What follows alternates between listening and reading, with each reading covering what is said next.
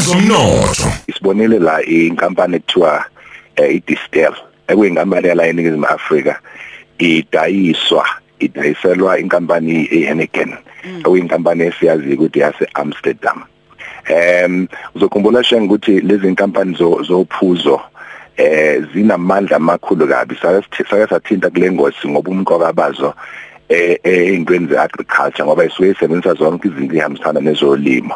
Sake sabona ngaphambilini kudayiswa futhi SAB Miller inikezelwa i-Anheuser Busch InBev yase-America eh kwesikhathi umuntu uyayibuza shanga ukuthi ngabe iphusile kakhulu yini lezi nqumo zokuthi inkampani eseyithathwa njenge njengamafa eningizimu Afrika imane idayiselwe nje abantu bangaphandle. Mhlambe bebengekhona abantu bengayithenga ngaphakathi. Abafana nathi ngoba phela kahle hle yithi esishaya kakhulu nake naxoxa nani lapha eh kulengosi emsakazweni ukuthi eh singabanye abantu abaphuza awu kakhulu lapha eNingizimu Afrika. So ke yinto efanele siyibheke lezo she ngoba zibalekile ngoba zisuke zisho ukuthi umnotho wethu omkhulu uphethwe ngaphandle. Eh yizeke sekuyinqumo engahambisani nathi seyithathiwe kodwa into efanele siyibuke kahle kakhulu shenge ngokuhamba kwesikhathi. Kusho ukuthi eh mhlawumbe ngamanye amazwi lokho kusho ukuthini kuthina ke njenge South Africa ke kusho ukuthi phela shenge njengoba wazi ukuthi iningi lalezi nkampani iphethwe ngaphandle njengale yade ngiyibala nje iAnheuser Busch yasemelika eh kusho ukuthi umnotho omkhulu wethu uphethwe kulawo mazwe. Eh indirect share kusho ukuthi umnotho omkhulu wethu uphethe ko Amsterdam nokuhambisana nezinto nje sikhiqizayo ibona phela abagcina sebesho ukuthi bazothenga kubani ngokwe value chain lapha ukuthi ama hobs zonke lezo zinto ezisuke zifaka imithombo leyo ithengwa kubani kuze kwakhiwe utshwala. Kubalekile shenga ngowe ngokobuchule bezomnotho ukuthi sibheke thina njengesizwe esinsundu ngoba eh siyaphuza nje kodwa sibe singaqondi ukuthi lezi inkampani iphethwe kuphi kanti into efaka bese sizakhela thina zona lapha ngaphakathi. Wena ke yena ukhona ilala imali khona ngalokho okwenzekile. Cha kalimali shenge phela bayajabula bona ngoba bayathenga. Bathenga ecishe ngo40 billion rand. Eh kusho ukuthi ama shareholders enkampani efana no Distel bazodla kamnandi ngoba bazobe bethola imali zabo abade beinvest isikhathi eside.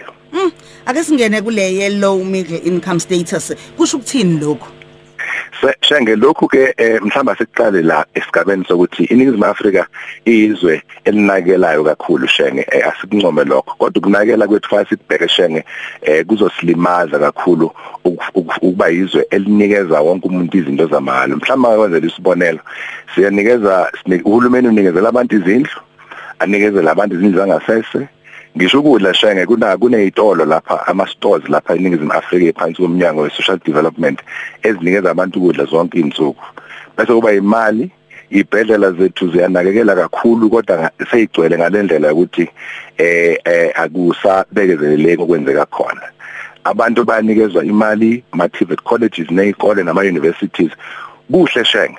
Ngifuna ukugcizelela lokhu ukuze abalali bangathi uthini xaba kulokho iqiniso kodwa elikhona elithi eh obani abanika le mali? Ayikho into ethiwa i-free lunch into uma nithiwa nje nayo imali yamahala zonke izinto zamahala kunombiko ke shenge okhishwe economics business and economics show eh ohambisana ne Bloomberg index okhuluma ngeningizimu Afrika ukuthi ikusiphi isigaba futhi ibheke kusiphi isigaba uma kusuka manje kuyaphansi kuyaphezulu ngesizathu sokuthi eh abantu abanko abakhokha intela eh yona le yezinto esengiyibalile ukuthi zinikezwa mahala. Eh bayancipha kakhulu. Eh uzokhumbula sesicishe sibe u60 million la eNingizimu Afrika. Abantu abasuke bekhokha lentela behlile kusuka ku6.3 million kwaya ku4.3 million ngo2019 eh kusho ukuthi bancane abantu abakhokhela lezi zinto esithi siyayisebenzisa mahala. Uzomkhumbula futhi nongqongqoshe ugodongwane ekhulu ethula inkulumo yakhe ukuthi ukhulumile ukuthi cishe abantu bala eningizimu Afrika asebethola ama grant ngokuhlukahlukana kwawo bawu 27 million.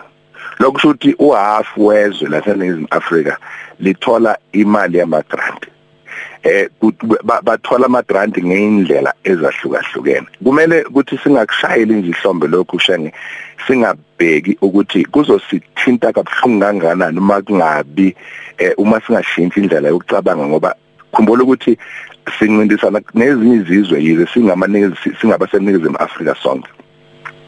Abelungu namandiya yiba baphethe umnotho futhi bahlezi abaningi babelungu emalini enkulu kabi uke wakhuluma umnumzane Mbeki ngakho lokho ukuthi eh, cishe imali engaphezulu kwa 3 trillion ayinvestiwe ukuthi ibuyiselwe emnothweni. And abantu bakithi abebe nenhlanhla ukuthi bathola amathenda. Eh bathola imali ezinkulu isikhathi esiningi ba investor eindaweni ezwrong mhlambe bayaphuza abanye ba investe kuzo lezi zotshwala esikhuluma ngazo nasibumnandini nokuthenga imishini emkhulu yeimoto imoto ya 1 million. Okanti bungathenga umshini wokukhiqiza ka 500,000 ukwenzele leyo mali ephinda phindiwe eminyakeni emibili ezayo kunokumane uthenga imoto enkulu. Kodwa eh ube uyishaya ikinsela izophela leyo mali ngakusasa. Mm. sinenkinga efana naleyo shangu masithi lesi sigaba sokuthi iyehlini zeAfrika kusho ukuthi abantu abazo affecteka kakhulu yithi thina abantu abamnyama. Mm i-conference isaqhubeka kodwa eh yalabo abakhubazekileyo. Saqhubeka share conference abantu abakhubazekileyo ngomhla ka29 eGNF 277 Umngeni Road eduze kweChester Butchery. Bangathinta 0733 560 451 eh, ulondiwe ngesizathu sokuthi inombolo yethu lenise nenkingana ngenxa kagesi. Kanti futhi share ngomhla ka25 no26 kuzobe khona inkonfa yezimbuzi noma ipractical workshop yezimbuzi lapha eHoly Cross eSheshi empangeni eh bangaya ku website yethu bazothola yonke imininingwane ihambisana nalokho. Shenge ku amandlaomnotho.co.za Le yivuka Africa Breakfast Show. Ukhosi FM. Lo hamba phambili.